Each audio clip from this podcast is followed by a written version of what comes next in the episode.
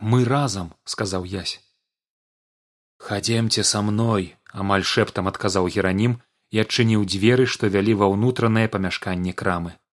Язь і рут увайшлі за ім у прасторны пакой які таксама быў напоўнены самымі рознымі старадаўнімі рэчамі перадусім кнігамі. Калі ласка сядайце геранім паказаў рукой на простыя але густоўныя крэслы даруйце што мусім хавацца але ў наш час гэта не будзе лішнім. Так і ёсць пагадзіўся язь значыць вы ад стэфана прамовіў геранім. Дзіўна што ён не прыйшоў сам. Рэч у тым што я чакаў яго самога. На жаль ён не зможа прыйсці адказала рут. Нешта здарылася устрывожыўся стары. Так яго арыштавалі сказаў язь гэтыя словы прымусілі гераніма рэзка падняцца. Ён ізноў зняў акуляры рука яго дрыжала. Раскажыце мне ўсё што вы ведаеце папрасіў стары і прысеў. Язь пачаў расказваць. Пра вызваленне зняволеных з лагера пра групу якая адправілася ў сталіцу сустрэчу з піліпам геранім са здзіўленнем глянуў на рут. Пра здраду фелікса і напад у доме марціна чым далей слухаў геранім тым больш здзіўляўся ён стаў нервова хадзіць па пакоі зноў праціраў акуляры папраўляў кнігі якія і так роўна ляжалі на паліцах. Калі язь закончыў геранім сядзеў за сталом абхапіўшы рукой падбароддзе. Неверагодна вымавіў ён. Адбылося столькі падзеяў і ніхто ў вертагардзе пра гэта нічога не ведае баюся ведае вормар сказаў язь так яны злодзеі ведаюць але людзі не. Ну за сённяшнюю ноч сказала рут гараджане даведаліся шмат чаго новага. Я ўжо здагадаўся што адозвы вашых рук справа кіўнуў геранім. Стэфан прасіў перадаць вам каб вы паведамілі ўсім правераным людзям пра заўтрашні сход сказаў язь геранім скрушліва адказаў. На жаль ужо позна.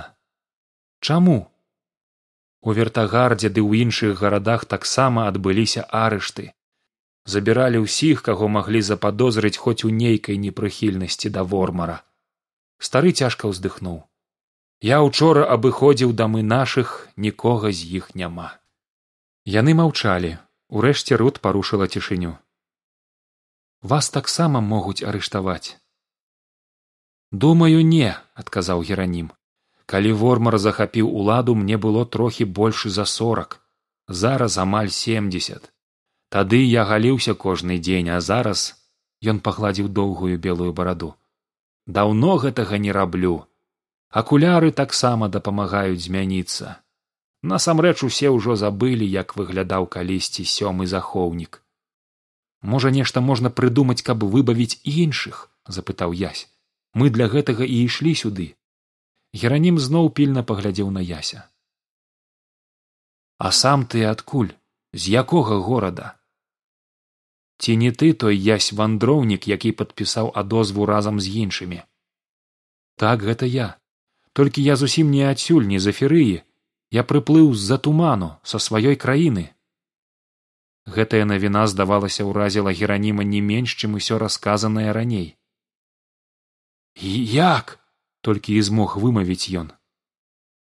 Я тут усяго шэсць дзён працягнуў язь гэта праўда ад хвалявання геранім нават перастаў праціраць акуляры.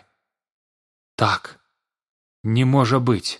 Такога не здаралася ў эферыі ад часу першых уладароў я ведаю мне стэфан распавядаў толькі і паспеў сказаць язь як раптам ва ўваходныя дзверы пачалі грукаць моцна настойліва а з вуліцы данёсся грозны голас. Адчыніце імем вармара! За мной скамандаваў геранім. Праз чорны ход! Яны рынуліся ў глыб дома. Адзін пакой другі затым калідор і вось выратавальныя дзверы. Геранім націснуў на ручку і яны ўтрох выскачылі ва ўнутраны двор. Ясю здалося што сэрца ў яго абарвалася навокал чорным ланцугом перакрыўшы ўсе шляхі да адступлення стаялі жаўнеры. Геранім безнадзейна глянуў на яся. Руту знямозе апусціла галаву. Жаўнеры расступіліся і наперад выйшаў задаволены з нахабнай усмешкай хваўлюс Ён і тут выглядаў так быццам вакол яго асобы круціцца ўвесь сусвет. Што ж мы бачым? Праспяваў ён шырока расставіўшы ногі і ўпёршы рукі ў бакі тут сабраліся ўсе каго нам так не хапала. Дачка здрадніка ён пачаў загінаць пальцы. Яшчэ сам геранім злосны вораг эферыі і ўрэшце няўлоўны чужаніца з туману. Якая цудоўная кампанія. Геранім і яго госці маўчалі. Схапець крыкнуў начальнік.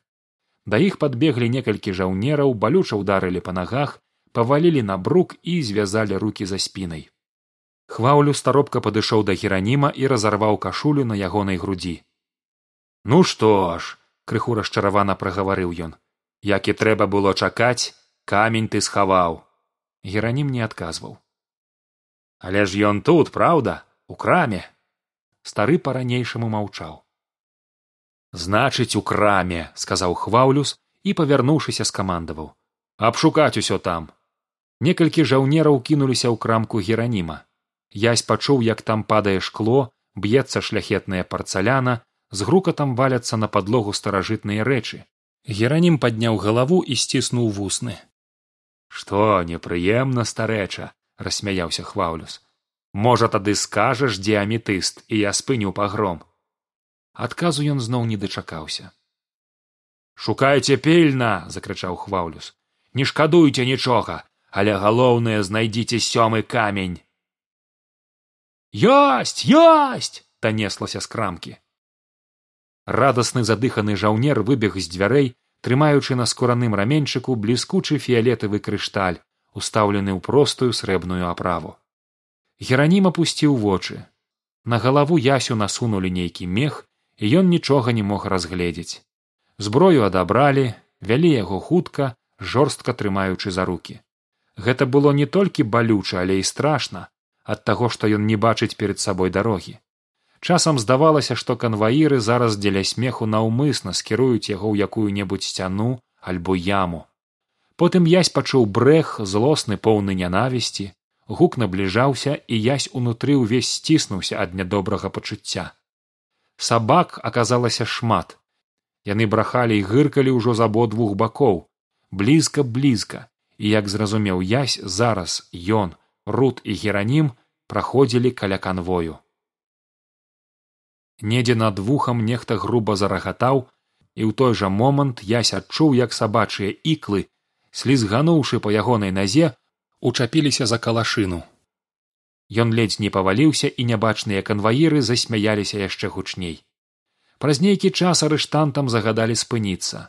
Мех на галаве пакінулі але руки развязалі і загадалі абаперціся імі аб сцяну язь намацаў перад сабой халодны шурпаты камень турмы. Стаяць давялося вельмі доўга недзе ззаду хадзілі шапталіся канваіры бразгалі дзверы і ясь адчуў як з за немагчымасці паварушыцца нясцерпна забалела спіна. Зацяклі паднятыя руки куды гэтых весці пачуўся голас.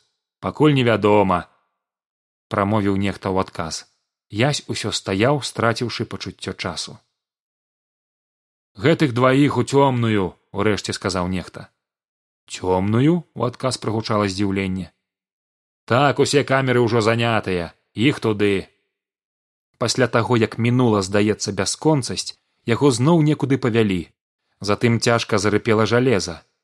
Мех сцягнулі з галавы і язь пабачыў як перад ім расчыняюцца тоўстыя металічныя дзверы за якімі была цемра. Яго моцна піхнулі наперад у камеру так што язь ледзь утрымаўся на нагах. Дзверы адразу зачыніліся. Унутры было змрочна задушліва і вільготна. Высока ў сцяне віднелася вузенькае ў некалькі сантыметраў гарызантальнае акенца. Калі вочы прывыклі да цемры язь заўважыў што сцены і столь быццам агідным вэлюмам былі зацягнутыя шэрым павуціннем. Усё паказвала што ў гэтай камеры даўно нікога не трымалі. На затынкаванай падлозе таўшчэзны слой пылу і больш нічога ні нараў ні стала.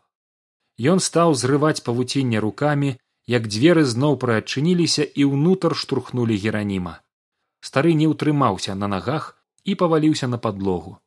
Язь дапамог яму падняцца і сесці каля сцяны гэта ты язь геранім яшчэ не мог апамятацца. Так я. Што ж за бяда? Як жа так? Вас арыштавалі ў маім доме. Гэта мая віна. Не вы тут ні пры чым. Яны сачылі за намі. Атрымліваецца што гэта мы прывялі іх да вас. У камеры стаяла невыносная задуха. Моцна хацелася піць аднак вады нідзе не было геранім відаць таксама адчуваў сябе не найлепш. Па ягоным твары прабег цень болю. Што з вами геранім?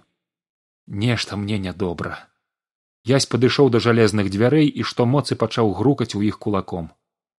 Што ты робіш ціха ледзь варушачы вуснамі прашаптаў стары. Хачу папрасіць вады ніхто не падыходзіў але і язь не спыняўся ён настойліва грукаў пакуль не пачуў як па калідоры зашоргалі лянотныя крокі. Чаго табе данёсся з за дзвярэй незадаволены голас. Дайце вады! Абыдзешся тут чалавеку кепска! Нічога не памрэ! А раптам нешта здарыцца! Падумайце што вы адкажаце вормару што не дапільнавалі важнага арыштанта? Той што быў за дзвярыма нешта неразборліва прабубніў сабе пад нос і язь з палёгкую пачуў як дзесьці ў калідоры зачэрпваюць ваду. Праз некалькі секундаў адчынілася невялічкае квадратнае акенца пасярэдзіне дзвярэй і ў гэтую кармушку тоўстыя кароткія пальцы прасунулі на палову напоўнены металічны кубак. На! І акенца тут жа зачынілася. Язь зрабіў адзін глыток з кубка. Вада была цёплай як і паветра і такой агіднай на смак што ён нават засумняваўся ці варта яе даваць гераніму. Але разважыўшы што гэта ўсё ж такі вада і лепш такая чым ніякай ён паднёс кубак да вуснаў сёмага захоўніка. Геранім зрабіў некалькі глыткоў. Раптоўна ў камеры сцямнела хоць было яшчэ рана. Геранім лёг на падлогу часта дыхаючы. Язь пачуў як аднекуль здалёк данёсся грукат грому. Затым гукі сталі яшчэ грамчэйшымі ажно пачало біць і страляць недзе зусім побач. Маланкі бліскалі ў цемры адна за адной. Гром быццам чымсьці моцна незадаволены грымеў над самай іхняй камерай. Пачалася залева. У вязніцы адразу пасвяжэла. Язь стаў на дыбачкі працягнуў руку і выставіў кубак пад дождж ледзь прасунуўшы яго ў вузкае акенца. Той хутка напоўніўся да краёў ён зноў падышоў да гераніма і даў яму вады. Стары з удзячнасцю ўзяў адпіў і змог сесці на падлозе. Як вы запытаўся язь дзякуй адпусціла адказаў геранім на поўныя грудзі ўдыхаючы свежае прахалоднае паветра. У той жа самай зале замка ўладароў дзе калісьці даўно арыстарх уладар эферыі сустракаўся з захоўнікамі цяпер размаўлялі чацвёра вормар калід фелікс і хваўлюс вормар сядзеў за старажытным каменным сталом авальнай формы астатнія стаялі і тады я зразумеў вось яны галубчыкі трэба іх браць тут цёпленькімі скончыў аповед хваўлюс засопшы ад задавальнення. Я дзякую табе за службу эферыі стрымана сказаў вормар. Ты аднаўляешся на працы ў вертагардзе будзеш адказным за гарнізон замка ўладароў. Хваўлюс расплыўся ў задаволенай усмешцы і пакланіўся. Дзякую ваша міласць. Але з адной умовай працягнуў вормар. Больш ніякай самастойнасці ніякіх уласных ідэяў. Невядома што было б калі б іх групе ўдалося дайсці да сталіцы. Цяпер усё важнае павінна быць абавязкова ўзгоднена са мной менш важнае з калідам. Можаш ісці. Шчыра дзякую ваша міласць сябра вормар. Хваўлюс усё так жа схіліўшыся адступаў назад пакуль не знік з залы не адразу праўда патрапіўшы ў дзверы. Вормар павярнуўся да каліда. Дарэчы ты добра прыдумаў паставіць віжоў пад выглядам валацугаў па ўсім горадзе. Дзякуй сябра вормар якраз адзін з іх і прыкмеціў гэтага хлопца з дачкой піліпа. Вормар устаў з крэсла і падышоў да фелікса. А цяпер я з радасцю паслухаю цябе мой стары сябра. Ведаеш я часта цябе згадваю асабліва калі заходжу ў гэтую залу. Калі б не нашая з табой дамова тады двадцать чатыры гады таму то і не было б новай эферыі. Я не перабольшваю свайго ўдзелу не не фелікс не трэба гэтай сціпласці. Тое што ты паведаміў пра будучую сустрэчу арыстарха з захавальнікамі тое што перадаў падрабязны план замка усё гэта адыграла найважнейшую ролю ну трэба было ратаваць краіну ідэя арыстарха з бясплатнай жывой вадой калі б ён яе раптам знайшоў была цалкам згубная для нашай гаспадаркі пазнаю свайго сябра сказаў вормар. Фінансавая жылка ў табе ніколі не знікне. Гэта толькі ты мог прыдумаць наладзіць здабычу золата ў пустэльні працай арыштантаў. У кожнага свая задача і свае мэты. Моя мэта золата і дзеля яго я гатовы ахвяраваць сабою. Тыя дзесяць процентаў ад здабычы што я маю лічу гэта не занадта вялікая плата мне як чалавеку які заснаваў лагер і ўвесь час з'яўляўся яго негалосным начальнікам. Добра што ты не змяняешся задаволена сказаў вормар. Колькі ж мы з табой не бачыліся? Ды даўнавата ўжо з мінулага майго прыезду пасля таго як у лагер даставілі стэфана так памятаю памятаю. Бачыш гэтага зламысніка зноў злавілі і мы зноў сустрэліся гэта як добры знак адказаў фелікс. Дык раскажы што там здарылася ў лагеры? Фелікс апусціў вочы. Напад адбыўся зусім нечакана ў тую ж ноч калі прывялі жыхароў чырвонай руды. Усё было б добра калі б не гэты дзіўны хлопец язь і не стэфан якія ўзяліся невядома адкуль і пачалі там паўстанне. Я ледзь паспеў далучыцца да вызваленых арыштантаў каб не выклікаць ніякіх падазрэнняў а як яны змаглі выйсці з пустэльні? Зразумела што ім дапамог патрык але ўсё такі гэта прыкры збег абставінаў. Як ты ведаеш ні я ні гіман ніколі не пілі вады з лагернага калодзежа.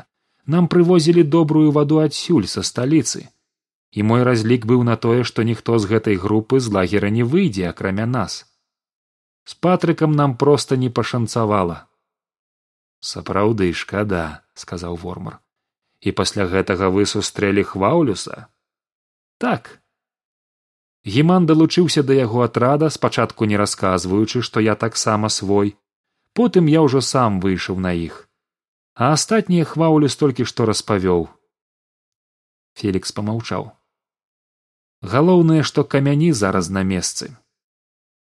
Так гэта найбольшая каштоўнасць пагадзіўся вормар і твая заслуга ў гэтым неацэнная дзякуй фелікс лёгка пакланіўся вормар падаў яму руку.